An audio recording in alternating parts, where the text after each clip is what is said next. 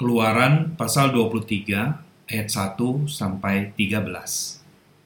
Janganlah engkau menyebarkan kabar bohong. Janganlah engkau membantu orang yang bersalah dengan menjadi saksi yang tidak benar. Janganlah engkau turut-turut kebanyakan orang melakukan kejahatan, dan dalam memberikan kesaksian mengenai sesuatu perkara, janganlah engkau turut-turut kebanyakan orang membelokkan hukum. Juga janganlah memihak kepada orang miskin dalam perkaranya. Apabila engkau melihat lembu musuhmu atau keledainya yang sesat, maka segeralah kau kembalikan binatang itu. Apabila engkau melihat rebah, keledai musuhmu karena berat bebannya, maka janganlah engkau enggan menolongnya. Haruslah engkau rela menolong dia dengan membongkar muatan keledainya. Janganlah engkau memperkosa hak orang miskin di antaramu dalam perkaranya. Haruslah kau jauhkan dirimu dari perkara dusta. Orang yang tidak bersalah dan orang yang benar tidak boleh kau bunuh sebab aku tidak akan membenarkan orang yang bersalah. Suap janganlah kau terima, sebab suap membuat buta mata orang-orang yang melihat dan memutarbalikan perkara orang-orang yang benar. Orang asing janganlah kamu tekan, karena kamu sendiri telah mengenal keadaan jiwa orang asing, sebab kamu pun dahulu adalah orang asing di tanah Mesir.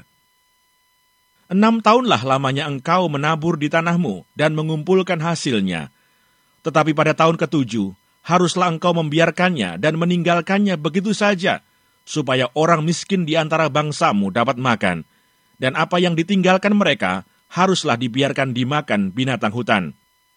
Demikian juga kau lakukan dengan kebun anggurmu dan kebun zaitunmu. Enam harilah lamanya engkau melakukan pekerjaanmu, tetapi pada hari ketujuh haruslah engkau berhenti, supaya lembu dan keledaimu tidak bekerja, dan supaya anak budakmu perempuan dan orang asing melepaskan lelah. Dalam segala hal yang kufirmankan kepadamu, haruslah kamu berawas-awas. Nama Allah lain janganlah kamu panggil. Janganlah nama itu kedengaran dari mulutmu. Sahabat, dalam kehidupan sosial kita harus mengerti apa yang menjadi hak dan apa yang menjadi kewajiban kita.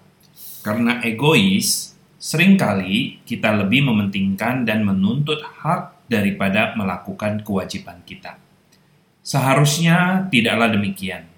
Antara hak dan kewajiban haruslah seimbang, dan akan lebih baik lagi melakukan kewajiban terlebih dahulu, barulah menuntut atau meminta hak yang seharusnya menjadi bagian kita. Ketika Tuhan di bagian ini memberikan aturan-aturan tentang hak-hak manusia, Tuhan ingin kita belajar untuk mengasihi dengan memberikan apa yang seharusnya menjadi hak orang lain. Terlebih lagi, tidak boleh menggunakan kekuasaan atau harta kita untuk menindas yang lemah atau yang miskin, tetapi sebaliknya, kekuasaan atau harta yang dimiliki haruslah digunakan untuk menolong dan paling tidak memberikan atau membela hak daripada si miskin atau orang yang memerlukan. Karena dalam kekuasaan atau harta yang Tuhan berikan kepada kita, di dalamnya terdapat bagian orang lain yang harus kita kembalikan atau berikan. Sahabat, jika kita mengerti hukum tabur tuai, makna dari hak dan kewajiban tidaklah jauh berbeda. Kiranya Tuhan memberikan kekuatan dan menolong kita untuk bersikap dan berlaku sesuai dengan aturan-aturan yang Tuhan berikan. Amin.